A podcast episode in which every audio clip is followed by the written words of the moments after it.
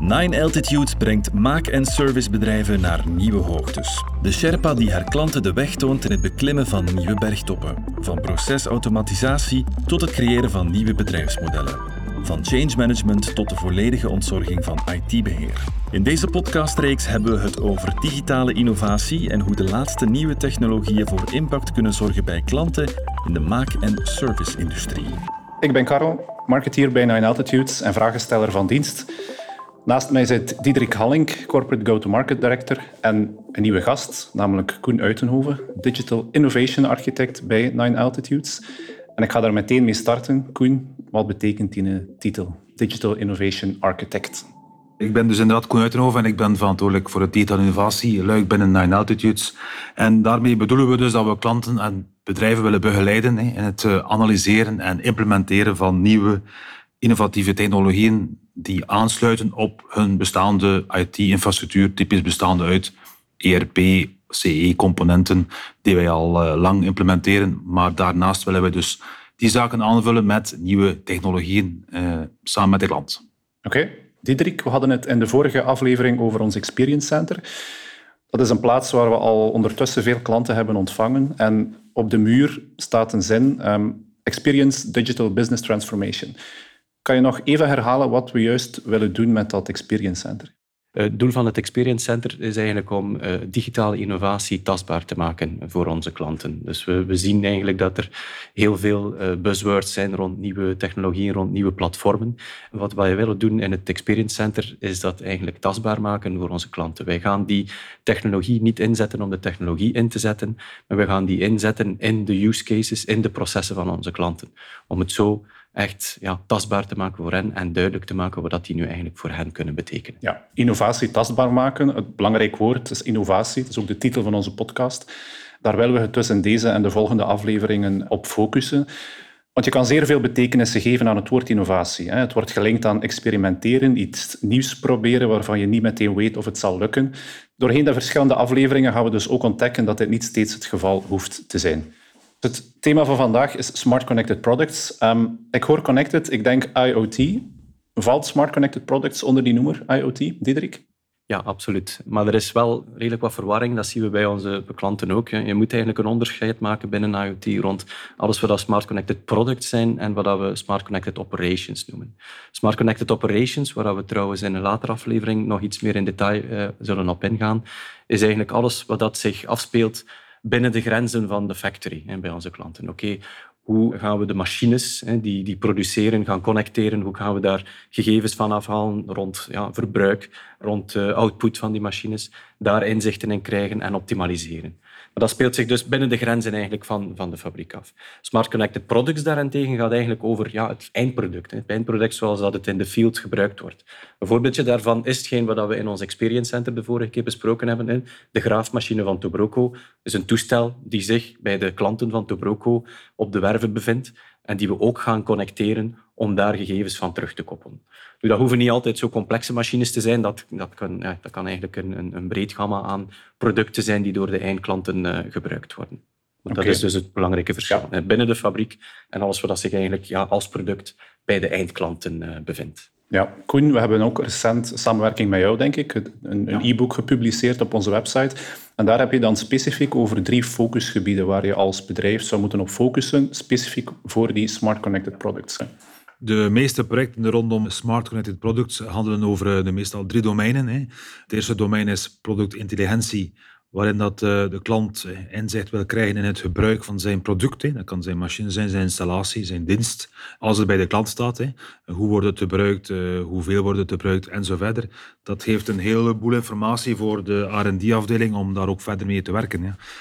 Klanten of bedrijven denken soms dat ze weten hoe hun product wordt gebruikt bij de eindklant, maar dan zien ze toch plots rare zaken terugkomen. En dat heeft toch wel plots een, eh, een, een opening voor hen om, om, om dingen te gaan verbeteren richting hun eh, product. Ja, en wat valt er dan nog allemaal zoal te verbeteren? Wat kan men nu al gaan verbeteren? Want men heeft al ervaring met producten in de markt te zetten. Dat is niet nieuw voor een bedrijf, voor een organisatie. Een typische gain is... Uh, we hebben dat ons nog meegemaakt bij een klant. Zo'n machine of zo'n installatie bestaat uit een aantal componenten. En dan gaat die R&D-ingenieurs aan de slag en uh, designen ze het product, maar dan gaan ze bepaalde zaken gaan overdimensioneren of onderdimensioneren. En uh, een specifieke klant die had dan effectief al uh, hydraulische pompen. Het was een hydraulische machine. Hydraulische pompen gebruikt die eigenlijk twee of drie keer zo krachtig waren als nodig. Maar een pomp die twee of drie keer zo krachtig is, kost ook wel bijna vijf keer zoveel. Hè. Dus dat heeft al direct een return on investment, gewoon door te weten, we hebben hier eigenlijk te veel marge. We kunnen hier rust pompen gebruiken die wat minder capaciteit hebben, bijvoorbeeld. Oké. Een uh, tweede as een tweede as is inderdaad de, de typische dan de service optimalisatie. Door data vanuit het veld of vanuit het uh, gebruik bij de eindklant te gaan gebruiken, kun je je uh, service gaan optimaliseren. En dat doe je op drie domeinen. Je kunt de remote service gaan uh, verbeteren, dus klanten bellen met een probleem. Je kan gaan kijken op afstand. Hè. Kan ik het op afstand verhelpen? Wat zou het probleem kunnen zijn? Een tweede is, door data te hebben rond service-doeleinden, kun je de klant ook toegang geven tot deze data. Want klanten willen vandaag de dag ook zelf soms problemen kunnen oplossen zonder te moeten bellen naar hun leverancier. En de privé mensen gaan dat wel uh, dat, uh, dat je als je een probleem hebt, wil je het ook zelf kunnen oplossen 24-7. Dus uh, de klanten hun self-service laten verbeteren is zeker ook een, een, belangrijk aspect. En een derde is dan, als je effectief ter plaatse moet gaan, hè, om het probleem dan effectief toch op te lossen ter plaatse, en dan kun je ook alle werkzaamheden en alle stukken en software eventueel gaan voorzien om ter plaatse zo efficiënt mogelijk te werk te gaan, met zo weinig mogelijk tijdverlies en het probleem ook effectief op te lossen. Hè, first time right van uw interventie, in plaats van nog, misschien nog een keer te moeten langsgaan achteraf. Oké. Specifieke voordelen zijn dan effectief het vervroegen van die informatie, dat je iets sneller uh, op de hoogte bent van wat er juist allemaal verkeerd gegaan is dan? Ja, dat klopt inderdaad. En die service heb je natuurlijk gezegd op wanneer zal mijn machine of product uh, of service niet meer marcheren. Hè. En door dat te weten kan je eigenlijk proactief gaan handelen. Hè. Er is nog altijd onderhoud nodig, maar je kunt dat onderhoud gaan plannen, hè, samen met je eindklant. En je kunt de juiste mensen gaan inplannen, hè, in plaats van snel, snel reactief te moeten gaan handelen op een urgentie die plots gebeurt in uw fabriek of rond uw product. Dus dat is wel een belangrijk verschil. Hè. Eh, door het te weten vooraf kun je veel beter gaan plannen en veel beter de interventie gaan, gaan schedulen, zodat de impact op je eindklant zo klein mogelijk is. Ja, dus iets dat je kan plannen, kan je ook optimaliseren. En dat is ook weer een win voor de onderneming. Oké, en dan heb je een derde as ook? Derde as is dan, eh, als we dan eenmaal data verzamelen om die productintelligentie uit te bouwen en die serviceoptimalisatie te gaan doen, kunnen we dan bijna nadenken over productinnovatie rondom die data. En dan denken we aan um, typisch het gebruik van uh, as-a-service modellen. Dus in plaats van uw product te gaan verkopen, kun je ook het product gaan verhuren of per lopende meter, per kubiek, per tijdseenheid, uh, neem het, kun je je product gaan verhuren aan uw eindklant. Kun je ook die data gaan gebruiken om dan toekomstig nieuwe diensten te gaan ontwikkelen samen met eventueel andere partijen. Maar dat is eerder op iets langere termijn, kijken rond wat kan ik met data gaan doen om nieuwe ja, nieuwe, nieuwe revenue streams te gaan ontdekken eigenlijk. Ja, ik zie de meerwaarde voor het bedrijf, die nieuwe revenue streams, uh, misschien wat de kosten laten dalen, maar wat is de meerwaarde voor de eindklant? Vandaag de dag, de eindklanten vinden het wel leuk om vooraf een goede kosteninschatting te kunnen maken. Door een model, hè, eh, zoals as een service model, kun je perfect gaan voorspellen, hè, die machine, dat product zal mij zoveel euro per maand kopen. Mensen met uh, privéabonnementen gaan het wel herkennen. Iedere maand betaal je 10 euro en het is 10 euro. Je weet perfect wat je aan toe bent. Als je product dan plots uh, toch stuk gaat, dan gaat die leverancier uh, helpen om het op te lossen.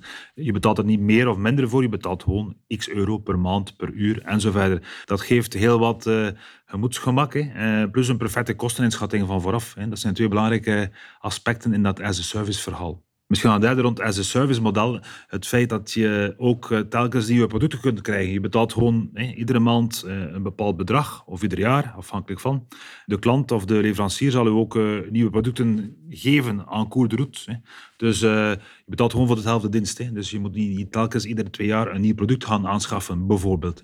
Dat zijn toch een aantal voordelen rond dat nieuwe businessmodel. Zowel voor klant als voor leverancier. Oké, interessant. Kan je dat ook gaan toepassen op cases die we al bij bestaande klanten hebben uh, uitgevoerd? Ja, zeker. Ja. We hebben uh, een klant, Valvan, hè, hier in West-Vlaanderen, die industriële compressiemachines maakt voor afvalverwerking. En die eigenlijk al, die doet dat al 10, 20 jaar. Dus, maar we hebben nu geholpen met hen om eigenlijk een van hun nieuwe type machines te gaan connecteren. Dus Smart Connected Products.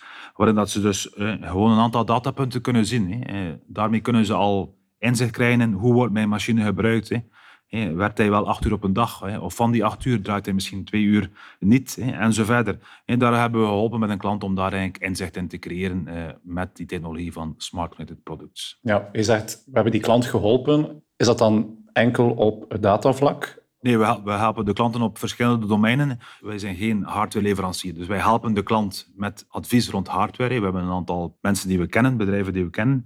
We helpen de klant ook met zijn communicatievraagstukken. De backend kant, zo gezegd, van de IoT-oplossing of de Smart Connected Products oplossing. Maar we willen wel de klant echt end-to-end helpen. Hè. Uh, en hem eigenlijk ja, mee begeleiden in dit, in dit traject eigenlijk. Ja, Valvan is, is, is dus een mooi voorbeeld waarop dat we deze technologie aan het toepassen zijn. Is Valvan een klant waarbij dat we enkel deze technologie hebben uh, toegepast? Nee, dus uh, Valvan is een mooi voorbeeld, omdat Valvan eigenlijk al heel lang uh, klant van, van Nine Altitudes is. En we hebben met hen in het verleden ja, de, de klassiekere digitalisatieprojecten ook uh, doorgenomen. zoals de ERP-implementatie, DMS-implementatie. Het feit dat zij nu ook naar ons kijken, is, is een mooi voorbeeld van hoe dat Nine Altitudes ja, buiten die typische implementaties ook meerwaarde kan betekenen. Onderzoeken wat kan digitale innovatie betekenen voor Valvan. En ja, de reden waarom dat wij daar ook in een goede positie zitten, is omdat we ze kennen. En wij kennen hun processen, doordat we eigenlijk al jarenlang met hen uh, eigenlijk partner zijn. Oké, maar hoe start je aan zoiets? Waar begin je? Ja, dat is een goede vraag. Je kan dat eigenlijk uh, heel klein starten. En dat is het voordeel van onze approach rond digitale innovatie. Wij, wij gaan geen grote eh, projecten gaan opzetten en grote onderzoeken gaan doen. Nee, we proberen altijd zo klein mogelijk te gaan starten. En we gaan kijken, oké, ja, laat ons één of twee specifieke use cases eruit pikken bij die klant. En oké, ons beperken tot dat. We gaan niet alles tot in uh, het puntje gaan uitwerken, maar we gaan kijken, oké, kan die technologie iets betekenen voor onze klant? En dan gaan we daar x aantal dagen in gaan presteren. Dus dat gaat echt over dagen, niet over weken en maanden, mhm. waarin dan we gaan testen, oké, ja, kijk, kan deze technologie iets betekenen voor jullie? En dan een next step kan natuurlijk zijn, ja, ofwel ga je die POC, proof of concept, een beetje verder uitwerken, of wordt het een groter project. En als het echt strategisch zou worden voor de klant, kan die daar een, een, een groot project aan ophangen. Maar dat hoeft niet en dat heeft de klant volledig zelf in handen. Dus het, het, het, kleine starten en agile erbij bouwen is, is een heel belangrijke insteek van ja, onze digitale. Dus ik hoor vooral dat dat geen, geen gigantische projecten hoeven te zijn. Het kan misschien wel een groot project worden, maar het, het hoeft zeker niet uh, groot te starten. Als ik even mag aanvullen dan Diederik, ook uh, met zo'n kleine agile projecten kunnen we ook snel het, het resultaat tastbaar maken. Hè. En dat hebben we gezien dat dat wel heel erg goed werkt.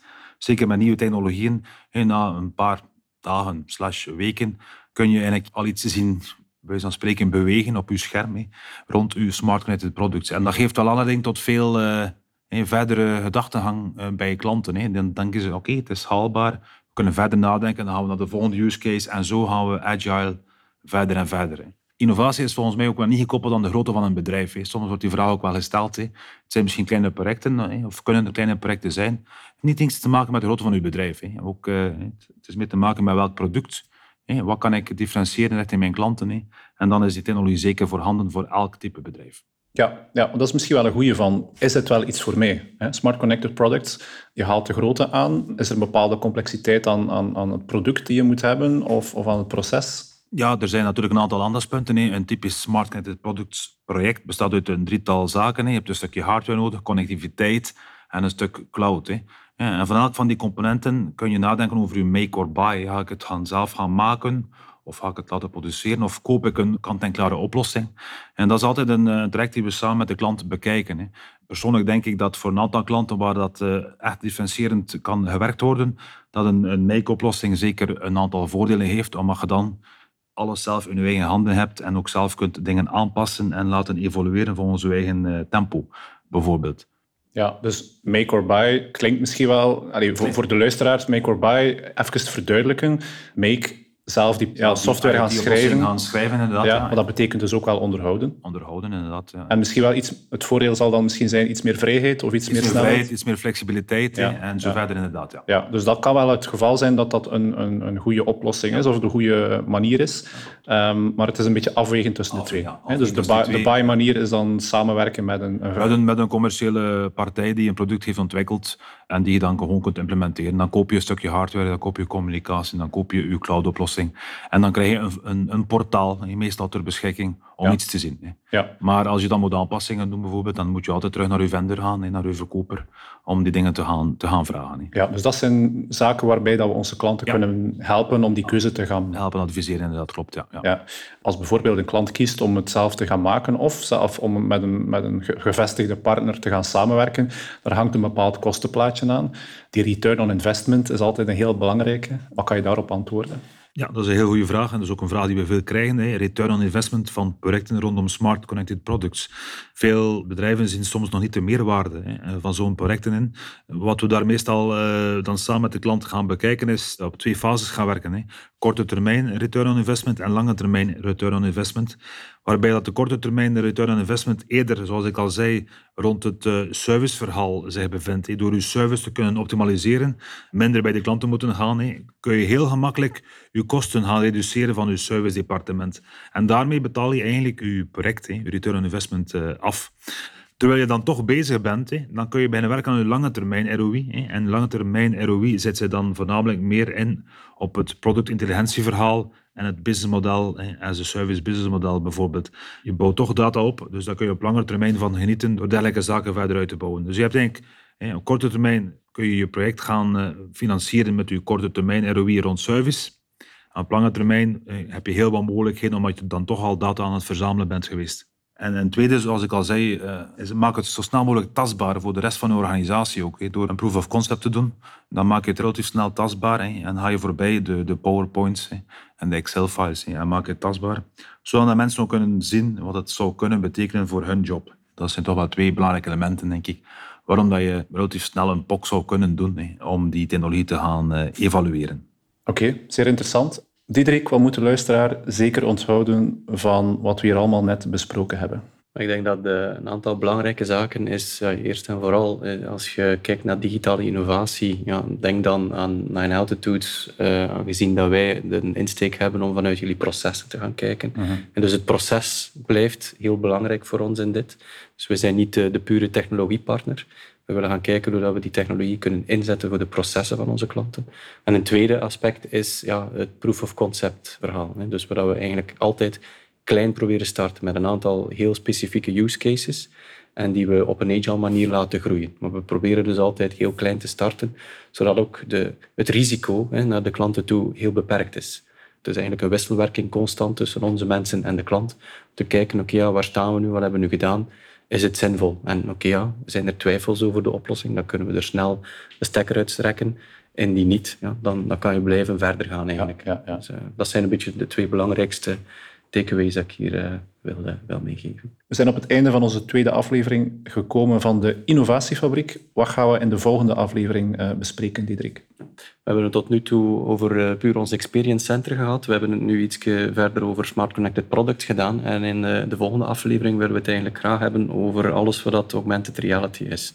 Dus ook weer aansluitend op ons Experience Center. Bijvoorbeeld, hoe gaan wij de mensen die in de field zijn, de techniekers gaan ondersteunen, gaan helpen om die service goed te kunnen uitvoeren, bijvoorbeeld. Dat is uh, een van de cases die we de volgende keer gaan bespreken. Oké, super. Voor wie graag zelf aan de slag wil met die slimme producten, altijd welkom in het Nine Altitudes Experience Center.